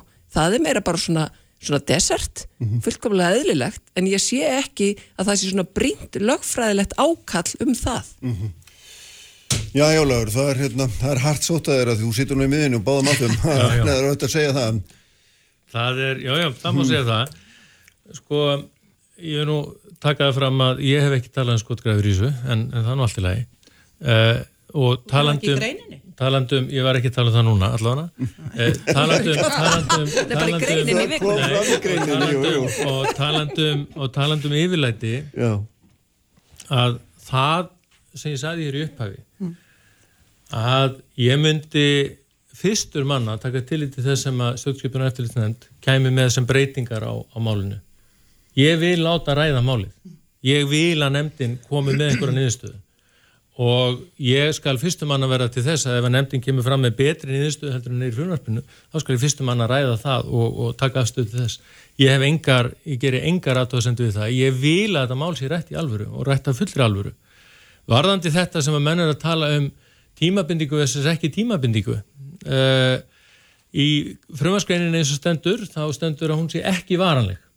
Það er að segja að afnótið útlutning geti ekki verið varanleg ég á mjög erfitt með að skilja það sig heldur en að það þýði að hún sé tímabundin enda kemur það fram á átján stöðum í greinagerðinu sem fylgir frumvarpinu að hún skuli vera það. Það að hún skuli vera það. Og það sé tólkunin og sama hátt kemur fram í greinagerðinni ítrekkað að hún verði ekki andlan veðsetningar eins og, eins og menn, hafa, menn hafa talað um. Og það eru fleiri atrið þarna sem að eru, e- eru tíunduð í greinagerðinni mjög skýrt og greinlega og síðan vísa til þess að löggefin verði að hafa sviðrum til að setja lög um, eins og þú komst inn á áðan Kristján, um það með hvað hættin ákvæmlega þetta verða á hverjum tíma. Eh, auðlindir sem að við sjáum í dag, þær kunna að vera eh, með einhverjum öðrum hætti eftir, eftir 20 ár, eftir 30 ár. Og það á ekki vera þannig að þurfi hvert einast skipt að breyta stjórnarskráni sem að við fáum við skulum segja, annarkvort upp í hendunar eða áttum okkur á því eitthvað tildíkilega atriði náttúr Íslands í öðlindir. Tökum til dæmis bergrunin sem að mun væntanlega í framtíðinu vera nýttu til niðurdælingar á koldisýringi. Það er öðlind. Ætlum við þegar að það er að kemur að setja nýtt átkvæði sjóðnarskáðum það. Ætlum við að telja upp öðlindirnar eða ætlum við að segja með almennum hætti allar öðlindir í náttúr Íslands tilhera Íslandingum og stjórnvöldum ber að venda þær. Tímabitin annað. Mér finnst að vera, ég meina ef að stjórnskipun og eftirlisnefnd finnst að það bæti málið einhverju leiti að setja orðið tímabundi inn í staðin fyrir ekki varanlegar, þá er það bara fínt mál mín vegna. og það sé síðan Og- skilgreint með almennu lögum svo- hverju tíma. Og síðan er það vandalega sett í nefndarálitinu að tímabundi þýtti ekki varanlegar í staðin fyrir að núna stendur ekki varanlegar þýðir tímabundi. Og, En og aftur svo geta menn hort á það eins og þeim sýnir sko. En ætti þá að setja tímamörkin sjálf í almenn lög? Eða Mér finnst það langa eðlast, mér við erum þegar með tímamörk í almennu lögum um nýtingun okkur auðlinda.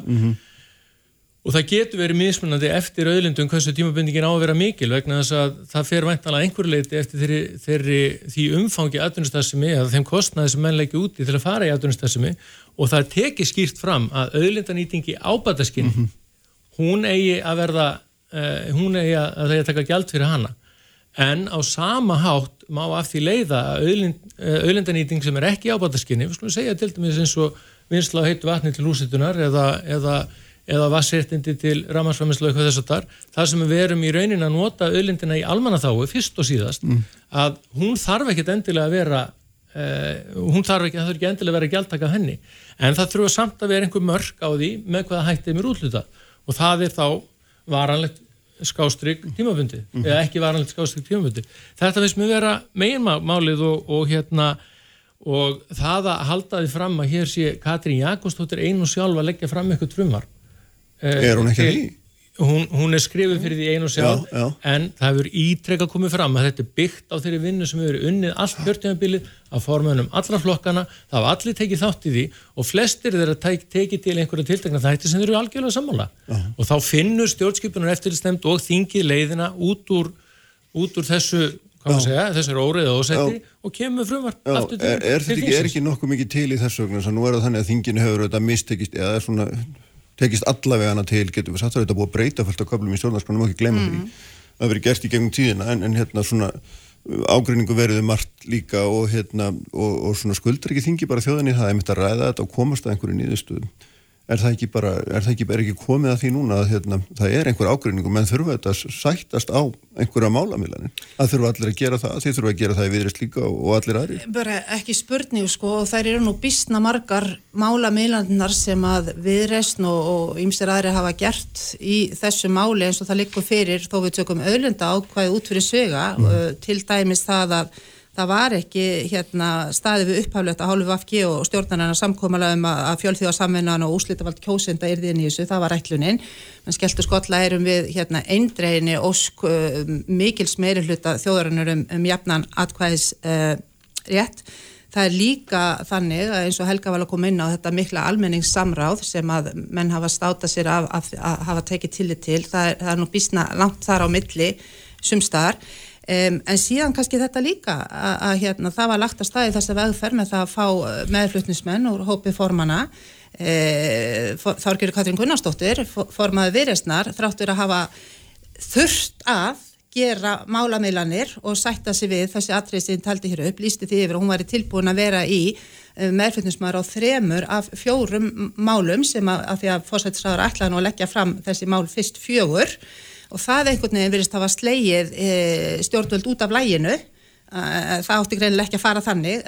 Í kjölfari kemur þetta síðan í einu máli sem gerir okkur eiginlega ókleift að vera með. Vegna þess að starrendin er svo að akkurat af því að þetta er ekki eins og hverjuna lagasetning þá vitum við og, og í aðdraðandi þessa máls hefur verið slíkur að nái stjórnvöld því fram að festa í sessi áfram óvirt ákvæði í stjórnarskrá um tímabunna samninga á afnótarétti þjóðaregnar Íslendinga þá verður það ekki tekið upp fljótlega aftur. Þannig þetta, varan, þetta orð varanlega, það merkir ekkert í þínum huga eða hvað? Það merkir ekkit í mínum huga vegna þess og það hefur formaður sjálfstæðsflósis hefur líst yfir að þetta breyta engu gildandi lögum, þetta sé bara eitthvað sem mann sé til að láta slæta, þetta breytir engu. Þetta er óvirt ákvæði nema hugtæki tímabinding komi inn í stjórnarskona. Út frá því sé síðan unnið í þeim lögum sem varða þessar, í þessari hérna þessar auðlindir og það er staðnenda í öllum líðræðisríkjum sem kvíla á einhvers konar náttúru auðlindum þá er tímabundin nýtingaréttur skiljörstur. Vissulega ekki stjórnarskrá, heldur í tiltöknum lagabálku sem varða þessa greinar. Hér hefur slagurinn staðið um þessa einu atvinnugrein, stórútgerðina, sem hefur fengið ótímabundin ánótarétt sem er þokkabóti farin að erfast og það vita vinstri grænir eins og aðrir og þar hefur formaður atvinnum við að nefnda listi yfir sjálf að það staðans í orðin svona núna að afnóta sjáarauðlindinni núna hérna erfist. E, það gerist ekki allu alvarlega þegar kemur að meðhöndlun á, á þjóðaregn okkar Íslendinga. Þess vegna er líkilatrið að þessi tímabind hver inn núna og ég bind vonir við það að það séu fleiri stjórnarliðar eins og Ólafur Þór sem lýsi því yfir að þetta megin og alveg gerast vegna þess að ef að við leggjum það að þessi lægi hafa þetta inni versus alvarleikan hafa þetta ekki inni þá skil ég bara ekki akkur þessu er ekki snúið við og þetta orð sett inn í stjórnarskrar ákvæðið. Þú ert búin að opna þetta Ólafur hérna. Já, ég meina, Helga, ég, bara, ég bara, Hanna Katrín eh, segir nákvæmlega það sem að þetta snýst um. Mm. Uh, ef við horfum á ákvæðið eins og það er í nýju stjórnarskráni, að þá eh, eh, segir þar stjórnvöld geta á grundvelli laga veitt leifi til afnóta eða hagnýtingarauðlinda sem og annara takmarkaðara almannagæða gegn eðlilegu gjaldi og til tiltekins hóflegs tíma í senn. Þetta er stjórnarskráin eins og það, hún stóð eftir vinnu eh, stjórnskipunar- mjög matskend atrið, eðlilegt gjald og hóflegur tími. Já, en, en sko ekki varanlegt er auðvitað bara þú veist, það, þú getur verið með þetta í 200 ár en samt sagt að það sé ekki varanlegt. Ég, ég meina, í alvöru talað að sjá ekki munin á hóflegum tíma í senn versus uh, uh, ekki varanlegt það er bara e- ásetningur til þess að, að láta eins og þetta sé eðlilegt. Fyrir mér, fyrir mér er, er, þetta algjörlega grundvallar atriði fyrir sjálfstæði þjóðarinnar. Þetta er okkar auðlind hvort sem um er að ræða sjávarútvegin eða aðrar auðlindir okkar. Og það er alveg galið þegar að við erum að endurskoða grundvallar lög okkar sem stjórnaskráin er. Stjórnaskráin er sam, samfélagssáttmáli æðstu lög landsins að við látum eins og þetta skipti ekki máli hvernig þetta er ritað þar. Það er nákvæmlega það sem að slagurinn stendur um. Ég verð nú að taka það fram að það ég, það sem ég sagði hérna á þann varandi varanlega versus tímabundar eða ekki varanlega versus tímabundar ég skil það eh, í rauninni alveg eins og við erum þegar með í lögum sömu lögum þessi, ákvæðum tímabindingu eh, eins og, eins og í orkunýtingunni. Og það kemur fram í greinigerðinni að verði þetta ákvæði sett inn í eh, eins og það skrifað núna í frumvarpinu inn í stjórnarskrána að þá muni þurfa að gera breytingar á einhverjum lögum. Þar að segja að það þurfi þá að tímabinda einhverjar, það muni þurfa að tímabinda einhverjar eh, einhverjar heimildir eh, til, til frambúðar. Alveg, og, og- og- meti 200 stjórn ára. eins og ég sagði áðan meti stjórnskipun og eftirlitsnefnda þannig að það sé skýrara og það sé fallið til eh, fallið til sátta að breyta þessu ákvæði. Menna, þá, þá er ég alveg til í að skoða það. Og, og ég, ég held að hérna ég held að hérna það kunni, kunni vel að vera. En það sem ég held að sko held að sé aðal það að sé aðal málið við verðum að komast hvað við segja, saman á þann reit. við verðum að koma saman á þann reit að við ætlum að fjallum þetta efnislega. Að við ætlum að fjallum þetta efnislega en ekki hengja okkur í formið. Við erum að tala um þetta Og- efnislega. og, og þetta það er sem að- og efnislega það sem, að ég, það sem ég segi er stjórnaskar ákvæði um auðlindir það verður að ná utan um þær allar. Það er ekki nóg að það nái bara utan um einhverja tiltekna, einhverja tiltekna auðlind eins og til að mynda er í, er í upptalningunum sem að Helga Vala uh, hérna, nefnir hér svo oft þar sé stjórnlarar ás þar er farið í það að telja þar upp. Eins og það sé svona sumar auðlindir séu mikilvægur en aðra með tillitið til gjaldtöku. Þannig þú vilt, almennt, þú vilt almennt ákvæði sem að síðan er skýrt nánar með sem er almennu síðan lögum. skýrt með, almennu, með lögum Já, já. vegna þess að það er mjög mikill breytileiki. uh, á milli, eða getur mm. mjög mikill breytileiki mm. milli auðlinda með hvaða hætti eru nýttar.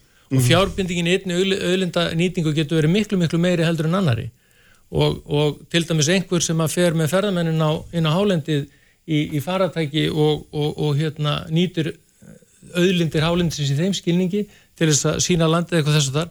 Það er augljóst að svo, auðlindanýting er með allt öðrum hætti heldur en einhver sem að já, sem reysi virkjun eða, eða hérna, eða kaupi tóra Já, já, akkurat. En sko, ég, sko fyrsta lagi þetta sem hún segir í lokin það er náttúrulega að gefur auga leið og allstað við og er bara hæguvanda verðleggja og verðmeta og gera í, í sér hlögu ég meina, það, en, sko, en það sem þú talar um þú ert að tala um að það þurfa að gera öllum öllundum hérna eh, jafn hátt undir höfði eða meðhundlar ekki. eins. Nei, meðhundlar eins, jú, ert ekki, þú ert að tala um það. Já, grund, já, að nákvæmlega, fyrir ekki, ég ætla ekki að leggja orðið munn, ég er bara að reyna hérna.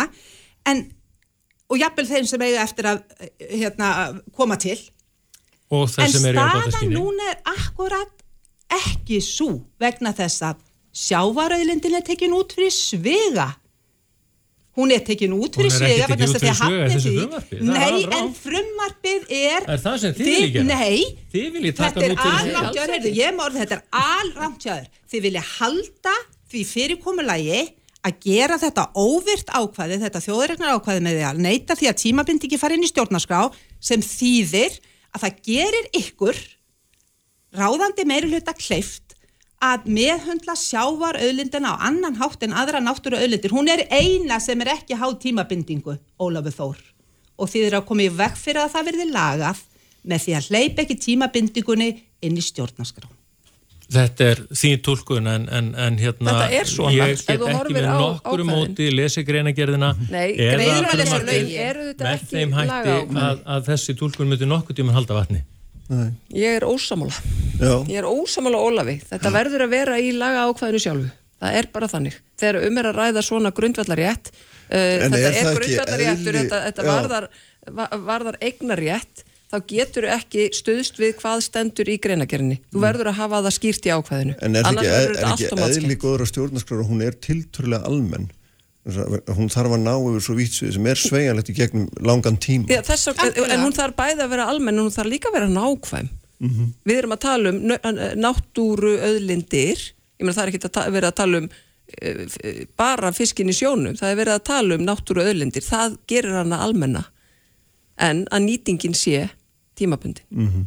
þú getur fengið hana svo endur nýja það en það sé, Algjörlega. það, það sé tímabundin nýtingaréttur í hver sinn. og mismunandi og, með ef, öðlinda og, og af, því að, af því að Ólafur Þór fór að vísa í einhverju upptalningu á náttúruöðlundum ég meina þetta var allt lagfært í meðförum stjórnskipunar og eftirlitsnefndar og við, við yfirlestur feneiðanemndarinnar þannig að ég, ég skil ekki af hverju er tekin svona uppeyja frá þeirri góðu vinnu. Og ég skil ekki alveg hvað af, ég bara, nema kannski bara þetta að, að það hefur ríkt ákveðin íhaldsemi í öllum þessum flokkum sem að núna sitja í ríkistjórn það er bara þar ríkir bara ákveðin vilji til þess að hafa þetta eins og þetta er núna. Þannig að þjóðin sem er eigandi þessara auðlinda fái ekki eðlilegt gjald fyrir afnót einstaklinga af auðlind þjóðarinnar. Þa, það virðist vera bara mjög ríkur vilji til þess. Hér er emmitt Já. tekið fram að nýting í ábæðaskinni fyrir hana skulu koma gjald. Slíkt ákvæði er ekki núna í stjórnarskóð Íslands. Við skulum bara átt okkur á því. Og ef menn ætla að í alvöru að halda fram þeim vilja að fá inn öðlinda ákvæði í stjórnarskóna, þá þarf að gera það með þeim hætti að það sé einhverja líkur á því að það verði samtitt, að, og alþingi vegna þess að þrátt fyrir það sem að Helga Vala kemur með stjórnlagaráð og, og tilugur uh, sagt, frá, frá fyrir tíð um þetta ákvæði þá hefur samt sem áður, það hefur aldrei náðst í gegnum þingi af- neitt ákvæði um auðlindir í þjóðareik það hefur ekkert ákvæði náðst um náttúruvernd En af hverju viljið þið binda Við það viljum svona? gera það. Af hverju viljið þið binda það svona, Ólafur? Viljum- Þannig að þið bara gefið frjálst. Við viljum að bindingin sé ekki varanleg eins og Ekki kemur, eins og getur kemur, eins og kemur 500 fram og það er skýrt í greinagerðinni hvað það þýðir og það er skýrt meira að segja með vísan til laga og til, með vísan til þess að í ekki lögum með, í ýmsum lögum er þessi tímabinding þegar til staðar og hún er með þeim hætt og hún er mismunandi eftir hvernig auðlindin þar eru Hvers vegna viljið þið ekki er það ekki tryggja? orðið inni? Ef fyrst þetta á að þýða það, af hverju er bara orðið ekki inni í þessari grein? Eitt orð, tímabinding. Ég sé, eins og ég segi, ég sé ekki munin á ekki varanlega eða Nei, tímabindin en ok, en ef þú sér ekki munin, hver er þá munurinn? Af hverju er það þá ekki þannig inni? Eins og ég segi, eins og ég nefndi á þann ef að, ef að menn ætla í alvöru að, að láta uh, hérna, láta umræðina um stjórnarskrona snúast um túlkun á tveimur mismunandi samheitum þá geta menn gert það alveg en á endanum verður það þannig að stjórnskipan eftirlitsnefnd mun leggja fram sína niðurstöður fyrir þingið, ég vona að það verður þannig. Ekki varanleg Ég mun- þýðir, ekki til enda já, en, tímabundin þýðir að það er einhver tímamörk. Ekki varalegt lítur að því að það sé ekki tímamörk en það kemur það fram í Já, já, ég greingerðinni meina 500 ár. Við þurfum að, hérna, við þurfum að að. Nei, nei, við þurfum að hérna, koma, með- vera með hópa málfræðingum líka til þess að, að túlka Það er frábært. Já, Það, það færi vel á því. Það að- færi vel á því. Það er Það nefnilega fær málið líka vel það að því að virða Já, niðurstöður já, já. rökræðu og, er kannunar nefnilega málið að það er að þegar mann ætla að skrifa knappan texta með fáum orðum að þá er oft þetta leggja mismöndi merkingur og, og gjörbreyta hérna, merkingu þarna Helga, Það var Vala, þú- mikið tekist á um þetta í formannanefndinni. Já, ég veit það og Já, hérna þannig að það, það er Já. alveg skýrt að það var ekki vilji þeirra sem leggur fram þetta að hafa þetta tímabundi. Já, gott og vel, við sáum hvað nefndin gerir og hvað hérna kemur út úr þessu öllu en þetta er hérna verið forvittnilegt. Þarna eitt svona bara rétt í lokin, þó að sé lítil tími hérna, Helga Vala, þú þú hérna uh, situr í fyrsta sæti í Já. Reykjavík Suður, er það ekki fyrir Nei, ekki- norður. norður, já, fyrir já, já, akkurat Já, já, hérna, já, ég er og- esjumegin við Hringbraut. Já, akkurat, og hérna hafði ekki með það og, þarna, og þess vegna langaði mér nú bara svona rétt í lokina því að formaðurinn er svo afdráttarlaus alltaf um það að hann vilji hérna um, græna félagsíkjustjórn eftir kostningar og ég Já. gerir á fyrir að, að hérna, skipa þessa lista að ég hérna íta undir þau sjónamið og langaði mér bara að spyrja ykkur hinn er það hérna markmið sem ykkur hugnast? En Græn félagsíkjustjórn. Ekki nema sósialistur á þessum list. Já, Ég held að Kristrún Frostadóttir verði seint kölluð sósialisti en gott og vel. Akkurat. Ég, ég held að, að svo ríkistjótt sem að vonandi verið myndu eftir kostningar, hún, meina, samsetning hennar fer náttúrulega bara eftir þeim álum sem Já, já, já, þetta er okkar, klassist, já, já, okkar, okkar áherslur liggja í umhverfisvend í velferðarkerfinu og, og það, er, það er náttúrulega alls ekki loku fyrir það skotið að við myndum ná málefnilegri samstöðu með flokkins og samfélkingunni en, en, en á endanum er það sem grein alltaf orðið málefni áður svo sem ráða- Mér finnst ykkur grein áorðin svo margt. okkur greinir á um nokkur atriði en, en, en það má líka alveg segja. Meina núverandi stjórnarflokka greinir á um nokkur atriði. En hafa enga síður geta skilað já, búi og ágætu já, verki er- í, í gegnum, gegnum þetta kjörnum Já, hvað, hvað sagði Þorgildur, Þorgerður ætlaði ég nú að segja, frjálslind miðjustjórnar, það er ykkar, hérna, það var ykkar ansvar við þessu, Anna Katrín. Já, já, og ég, ég, það, það er alveg rétt sko og, og ég veit að það er, það er klísja málefnir á það för en, en ég held að meðför, meðför stjórnarflokkana þessari stjórnarskrábreytingum sínum nú kannski að það, það er mikilvægt að, að málefni og menn haldi haus þegar kemur að því að, að, að hérna, ná mikilvæga málefni sem varða almenna hagsmunni í, í gegn þannig að ég held að þessi fjöldi flokka sem er að, sem er að gera sér líklegan og, og mun bjóða sér fram hann gerir það verkum, það er erfitt að ræða þetta fyrirfram. Það, þetta getur farið svo víða en, en þess vegna held ég bara að líkilatrið sé að uh, og mér þykir ekki ólíklegt að þetta stjórnarskrármál hérna og, og líklega afdrif þess munu verða til þess að skerpa svolítið línundar þetta er hérna það, það, er, það er mikil undirliggjandi barata í, í gangi um, um varstöðu versus uh, breytingar þegar kemur að tilteknum uh, atriðum sem varða almannahag til lengri og skemmri tíma og ég hérna ég held að, að þetta verði mjög áhugaverðir næstu mánuðir uh, og, og ár síðan í, í kjálfarið, ég bara segi það.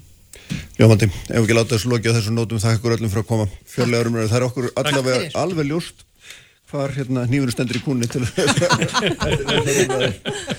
en hérna hann verður hérna hjá mér eftir augnablikan Bjarni, herrara við ætlum að tala um sjálfbærni í fyrirtækjarekstri og eitt og annað sem tengist tímikilvæga hugtæki Sprengisandur á bylgjunni. Fréttir þjóðmál og pólitík. Sprengisandur á bylgjunni. Sæli hlustundur aftur, þau eru farin frá hér frá mér eftir.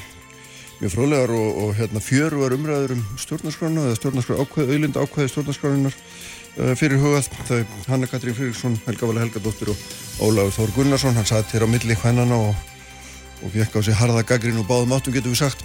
En hérna stóðum vel fyrir undir sínu og alltaf. Uh, ég ætla að fara í allt aðra hluti og þú kannski skildaði einhverju marki. Það er að fjalla hér um sjálfbærni. Þetta hugtak og einhverjum sérlega sem tengt er fyrirtækjum, fyrirtækjarekstri og, og því hvernig fyrirtæki nota sjálfbærni til þess að bæði í sínu rekstri og eins til þess að hérna, bæta samfélagi. Bjarni Her Herrara er sestur hérna hjá mér, hann er sérfræðingur í þessum, þessum efnum sjálfbærni, sætlablessaður og velkomin. Takk fyrir. Ef ekki bara eins að hérna, byrja bara á byrjunni, sko sjálfbærni þegar, við tölum um hana í, það skilja allir sjálfbærni kannski í svona náttúrulegum skilningi en þegar við varum að tala um þetta í skilningi rekstrar fyrirtækja starfsemi þeirra stefnu, um hvað er við þá að tala? Um mitt. Og kannski bara rétt aðeins að byrja. Mér fannst nú þetta nú áhugaverð uppstilling hjá þér í dag af gestum. Að byrja á Jóni Gunnar hérna úr ferðarþjónustunni, Pál Gunnar úr hérna, samkjörnuseftilitinu og svo hérna fórsvarsmenn úr pólitíkinni. Að þetta svona tengist allt saman inna og þetta eru svið sem að þurfa svona að vera, vera meira vakandi fyrir þessum sjálfbarni málflokki. Ef við tökum bara dæmi úr frá Fraklandi þar sem að er frans, Æsland er þeirra frakka og var að taka við svona örfunarpakka út úr COVID að þá var eitt að skilur honum þar að, að hérna, minka innanlandsflug til dæmis. Að draga úr flugi innanlands og færa flutninga í lestir og sjó úr, úr flugi. Þannig að það eru samkeppnisjónum með þarna þetta eru auðvitað ferðarþjónustu element og þetta er pólitíkin sem er að taka þarna til, til skara. Þannig að þetta er, þetta, er, þetta er farið að vera meira ábyrrandi í umræðinni þessi sjálfbarnimál og, og kannski ef við færum þá okkur bara í þetta hugtak sjálfbarni, hvað er það? Eh, Þetta snýst um að mæta þörfum okkar sem samfélags í dag án þess að fórna getu bara framtíða kynnslóða til að geta mætt sínum þörfum síðar. Þannig að framtíðar kynnslóður okkar börn, barnabörn og ennþá lengra þurfa að hafa náttúruauðlindi til staðar til að framfleta sínu samfélagi og, og svo framvegis. Við þekkjum þetta auðvitað úr sko, bara lang algengast á Íslandi vantilega bara sjárútvörun við mögum ekki áviða fiska því við þurfum að halda áfram að geta vitt skikkanlega magna honum inn í, í einhver staðar inn í framtíðina. En þegar kemur að rekstur svona fyrirtæki sem ég veit ekki um að segja bara banki eða heilsala eða eitthvað þá er þetta svona, þá fer að vera aðeins kannski uh, flóknar að átt að sjá því hvar þeirra hvar þeirra hlutverk líkur í þessu. Akkurat og þetta eru góð dæmi af atvinningerum sem þú nefnir, banki, sjávaru, tvögur, heilsala, fleira. Og það er alveg ljóst að, að hver þessara atvinnugera á að vera með mismunandi áherslu í sínum, sínum, hérna, sínum hérna, verkefnum. Uh, kannski til að byrja með að hvert fyrirtæki þarf svolítið að skilja sína hagaðila. Hverjir eru hagaðilar þess fyrirtækis? Við erum að tala um viðskiptavinni, starfsfólk, fjárfesta, byrkja, uh, nærsamfélagi, held, yfirvöld, eftirlitsaðila og, og hvert fyrirtæki þarf þá að geta átt einhvers konar samskipti við alla þessa hagaðila og, og hvernig gera fyrirtæki það? Þau gera það í gegnum einhvers konar skýslugjöf og búa þannig til upplýsingar uh, sem að snerta það fyrirtæki og sinn atvinnu gera til að koma á framfari við þessa hagaðila svo að þessir hagaðilar allir geti mynda sér skoðun uh, á þessu fyrirtæki og þessum atvinnu gera. Sjáum til dæmis bara að allar ansóknir benda til þess að, að almenningur og við sem viðskiptavinnir fyrirtækja viljum frekar fara að beita okkar viðskiptum og fjármunum til fyrirtækja sem eru kannski ábyrgari en ella. Og, og þess vegna er mikilvægt að fyrirtækin eins og bendir eftir á að fyrirtækin sé að fókus á það sem að skiptir raunverulegu máli fyrir þannig aðtunni gera en ekki bara kannski að gera eitthvað. Mm -hmm eitt af því sem er svona, ég veit ekki um þetta eftir í hugum, maður getur nefnt í þessu samingi er sko að stundum er sagt að svona samfélagslega hlutverk fyrirtæki er að styrkja þriðja geiran eða íþróttafélög eða eitthvað. Og svo segir mér að það er ekki það er ekki svona þessi sjálfbærni samfélagslega ábyrð heldur er það bara ódýr svona pérmennska að styrkja einhvern og skipta svo ekkert meira af því. Þannig að fyrirtæki eru þá með þessu einhvern veginn komið lengra en það. Þegar það ætla styrking og þá vilja þau geta sagt frá því að þau séu að vinna vendarlega eða sá sem þau styrkja síðan að vinna einhverjum hlut sem að getur fallið undir, þessa, undir þetta hugtak og þau geta síðan sagt frá eða hvað. Akkurat og þetta er, þetta er góð punktur sem þú kemur inn á að sögulega séð hefur svona sjálfbarni innan gesalappa verið tengd svolítið akkurat svona styrkjamálum hjá fyrirtækjum og það sem er að breytast mjög hratt núna síðastliðin fá ár og mun breyt, halda áfram að breytast er að núna hættir þetta snúast um styrkjamál og fer miklu frekar að snúast að að fyrirtekin sjálfu inn á við.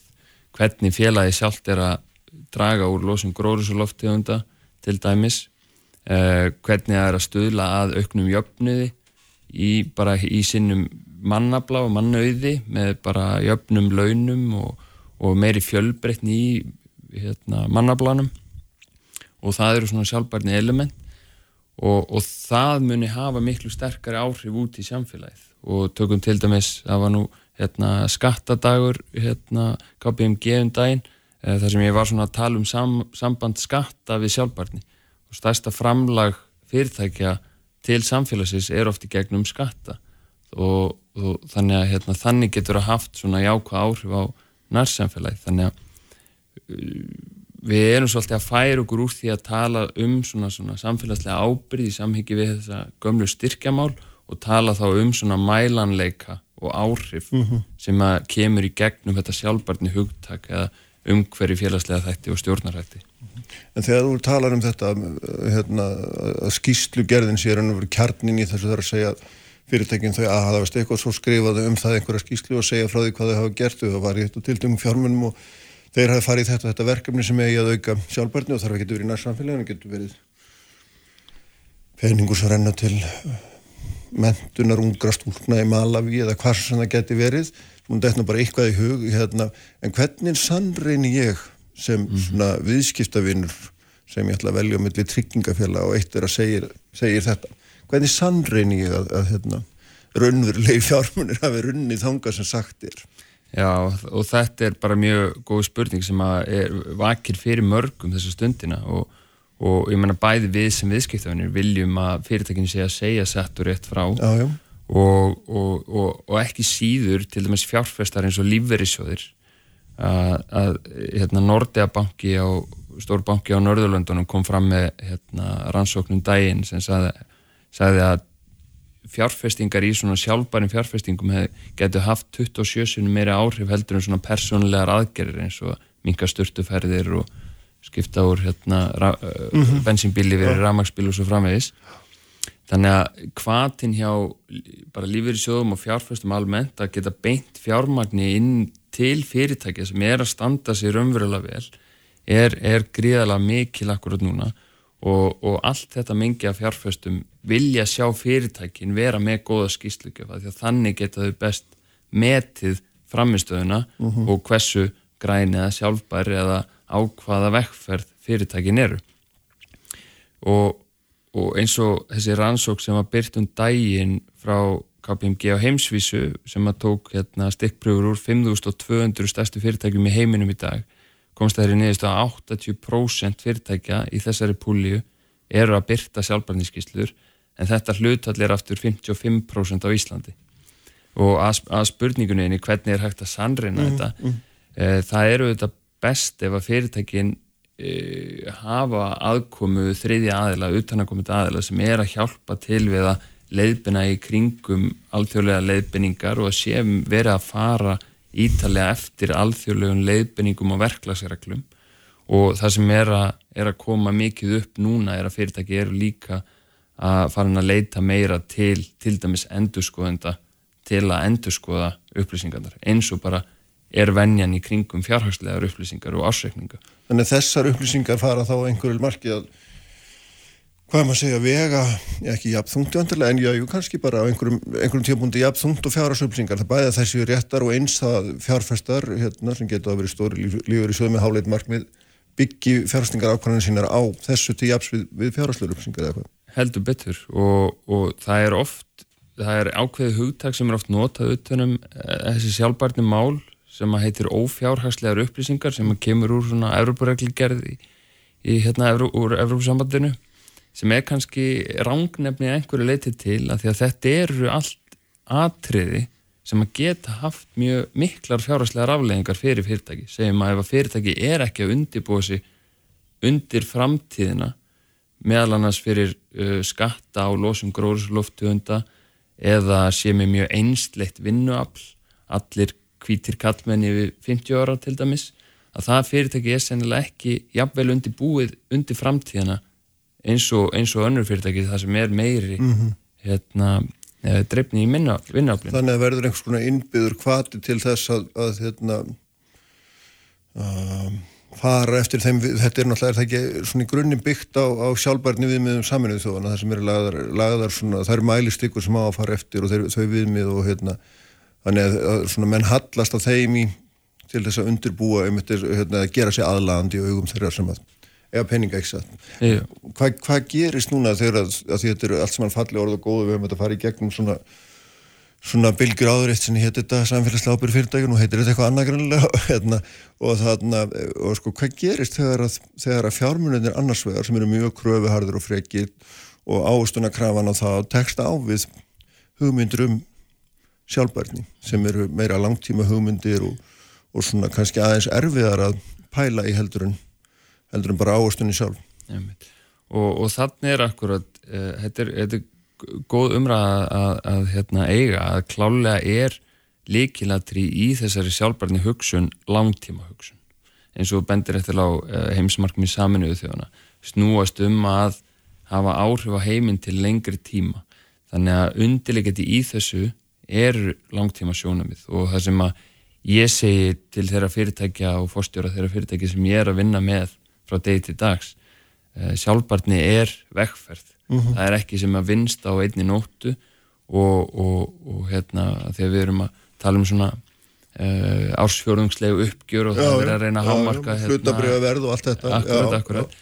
og þetta er kannski vekkferð sem að tekur tölvert lengri tíma og þarf að hafa mjög svona fókusera effort á og auðvitað fylgjast með og í gegnum skýstlugju og byrta, byrta þær upplýsingar en, en svo hafa líka rannsóknir sínt fram á núna að fyrirtæki sem er að standa sig betur hvað var það sjálfbarni málflokkin og eru kannski skráð fyrirtæki í bandaríkunum með Evrópu eru alla efna að standa sig betur hvað var það hlutabræðaverð en fyrirtæki sem eru að standa sig síður í mhm. sjálfbarni málum þannig að Þannig að það er komin marg- einhver fylgni á milli þessara þáttar sem sagt. Já, það eru margar vísbendingar um það í svona reytrýndum greinum og rannsóknum frá markaðsæðilum í Európa og Bandaríkjunum.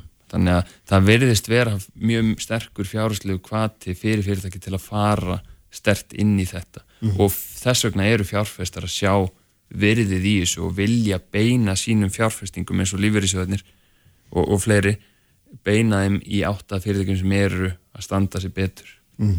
Sko, nú er eitt náttúrulega þar sem við, þú ert mikið að tala um er auðvitað svona þessir, þessir fjárfestar sem við kallum fagfjárfestar, það er að segja fólk sem að, eru með fólk að sínum snærum sem að vinna við þetta allan daginn út og inn og kann þetta aftur og baka áfram og hefur ekki og eða dónum í þetta. En, en svo eru við náttúrulega hinn sem erum bara svona peðin út af markanum og, og þarna nú til dæmis er verið að ræðum að fara að selja hluti í Íslandsbanka bara svo við tökum dæmi á vera út við á Íslandi er fyrir skemmstu venjulegu maður sem að hérna, vill fjárfesta í fyrirtæki á grundvelli þessara sjálfbarni sjónum mm -hmm. hvert fer hann, hvernig leita hann þessir upplýsingar, hvernig leggur hann mat á það hvort að bankin sé að, að hérna, fylgja hérna alþjóðlegum viðmiðum og svo hvað, hérna, hvernig fer maður að því? og þannig er aftur sko okkur sem einstaklinga erfitt að ve- velta ábyrðinni yfir á okkur sem Mm. einstaklinga og almennings þannig að, þannig að auðvitað liggur ábyrðin svolítið hjá fyrirtækjunum að gera þessar upplýsingar aðgengilegar og koma þeim á framfæri og, og gefa þá þeim sem hafa áhuga að kynna sér þar uh, svona betra færi á því og ég vil veita þeim einhvern stuðning til þess. En það er auðvitað alveg rétt að það er við, við svona hlutabrefa útbóðum og, og þá eru þessar upplýsingar farnir að vega mikið. Uh en, hva- en, en sem sagt það eru samt ekki með sama hætti aðgengilegar og hinnar fjárhærslu upplýsingar fyrir svona venjulega lesanda því maður þarf líka hafa konar þekkingu á þessum málaflokki til þess að, að geta lesið sér í gegnum sjálfbarniskísli, ekki sant? Jú, það er alveg rétt og eins og bendir eftir lág, þetta er, þetta er, þetta er ekki gama, gömul nálgun hjá fyrirtækjum. Þetta er bara kom upp núna á síðustu fáu árum, sérstaklega hérna á Íslandi sem er kannski aðeins eftir á Evrópu til dæmis. Þannig að eh, leikni okkar sem einstaklinga í að lesa í þessar upplýsingar er ekkit orðin eitt rosalega mikil. Þannig að þá auðvitað veldur það á okkur sem eru sérfræðingar í þessum máluflokki og sem eru kannski að hjálpa fyrirtækjunum að íta þeim í að svona e, matriða upplýsingarna rétt líka fyrir almenning en ekki bara sérfræðingarna. Mhm. Þannig að það er alveg rétt að það, það, það er mikilvægt atriði að reyna að koma upplýsingunum á framfæri. En heldur þetta skipti, að því við, aftur við tölum mikið um fagfjárhærslu, en heldur þetta skipti, ég meina þeir eru allir að vinna eftir einhverju stefnu en, en svona allir almenningur. Eh, Það er einhvern veginn allt önnur nálgun, allt önnur hugsun sem þarf einhvern veginn að það ætlar að hafa til þess eh, breyða hóps með þetta. Og, og ekki bara náttúrulega í hlutverkaupum heldur líka bara sem viðskiptafinum. Og ég meina ef við skoðum líka bara hérna hverjir er að taka þátt í hlutabröðutabóðum þetta er kannski ekki stór hluti af þessum hópi sem að er skilgreindur sem almenningur. En, en þessi almenningur á hins vegar stóran hluta af sínum spartnaði í lífverðisjóðunum Mhm. þannig að þeir svona almenningurinn treystir lífverðisjóðunum þeim sem er að gæta fjármunana sinna fyrir þeim og að taka réttar og góðar ákvarðanir og, og treysta þeim þá að lesa rétt í þessar upplýsingar og skilja þær Mhm. Þannig að hérna, en, en svo þetta, hefur þetta umfram kannski hlutabrefa e, viðskipti og annað slíkt að, að hérna, þá er þetta við sem almenningur viljum líka bara þegar við förum í búðina e, hafa aðgengilegar upplýsingar um hvaða vörur eru umhverjusvennar og hver er ekki. Já, já. Og það er líka aftur svona svolítið ekkert auðvelt endilega að lesa í það og mörg merki, margar upplýsingar. Hvað er gott, hvað er ekki gott umverulega fyrir svona hinn almenna leikmann.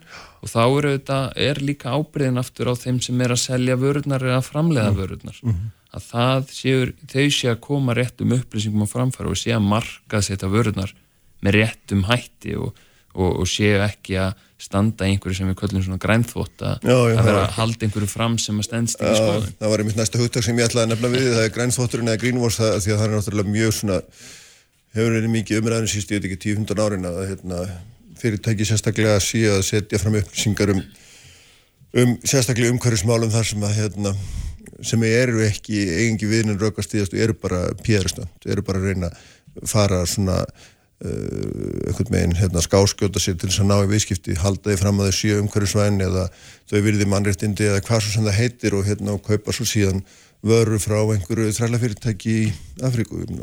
Er ekki þekkt til dæmis í kakoframlegslu að allt kakó er framleitt meira að minna af börnum sem að hérna mm -hmm. uh, hafi ekki náðu vinna aldrei sko er manni sagt Akkurat, akkurat. Og þetta, þetta er akkurat mikil áhætta í þessum, mm. í þessum málflokki að það sé vel staðið að þessu og, og fyrirtæki sé ekki að láta nappa sig í, í, í svona málum.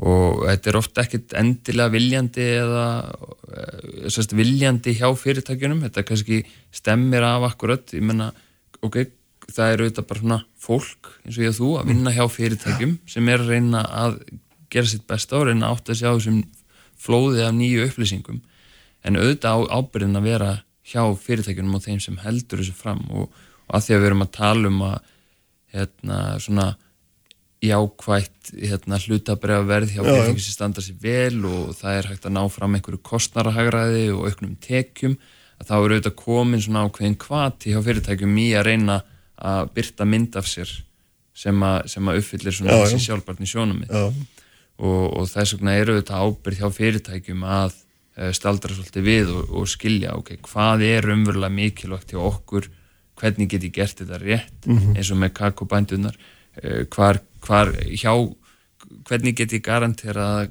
kakobörnuna séu ekki að koma frá hérna, þræla þrælum með eitthvað slíkt Já, já, nákvæmlega. Það sem er líka áhugavert náttúrulega kemur fram í þessari konun sem varst að nefna þessari alþjóða konun, KPMG að Íslandingar með henni fyrsta skipti og við erum eftir bátrannar og það er nú ekki mikil tími en, en hérna ræðist það því að við hversu smá við erum eða hvað, hver er skýringin? Já, meðal annars að hversu smá við erum og hérna, stærstu fyrirtækinu í Íslandi eru ekki, hérna, eru að vera jafn stóru og stóru fyrirtækin úti þannig að fyrirtækin verða að, að hérna, passa upp á þann tíma og mannafóra sem er að vinna í þessum mm. máluflokki betur og þarf kannski auknum mæli að reyða sér á ytri sérfræðinga en e, það bara er mikil áherslu á bara að gera hlutina vel og rétt. Takk fyrir þetta Bjarni, verðum að hætta. Það er fáina sekundur eftir uh, Ívar Davíð Haldursson stýrði þetta útsendingun eins og alltaf í dag. Allt efnið okkar er á vísi.is og bilgjam.is og svo má finna okkur hvar og efna þar sem að hægt er að finna hlaðvörp, Spotify og út um allt í raun og verum. Svo verði ég með ykkur hér aftur eftir vikun. Verðið sæl.